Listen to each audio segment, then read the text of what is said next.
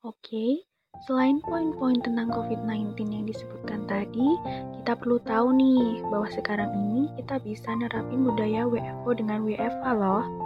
Seperti yang kita tahu, keberadaan pandemi COVID-19 ini yang mewajibkan sebagian besar pegawai di seluruh dunia bekerja dari rumah, kemudian dapat menjadi dorongan baru bagi perkembangan skema bekerja dari rumah.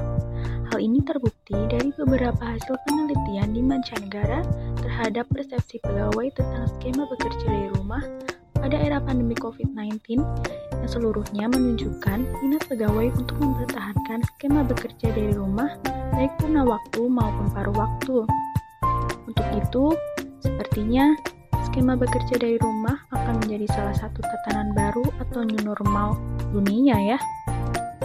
Menjalani WFH dan WFO diperlukan kestabilan di dalam diri, sesuatu yang dapat memberikan kestabilan dalam diri individu pada setiap situasi maupun kondisi dalam kehidupan disebut dengan anchor.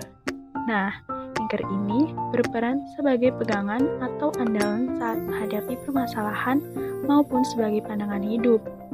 Jadi nih, bagi kalian, keluarga atau teman kalian yang diharusin bekerja di masa pandemi kayak sekarang, bisa banget nih nerapin pengkolaborasian antara WFO dan WFH.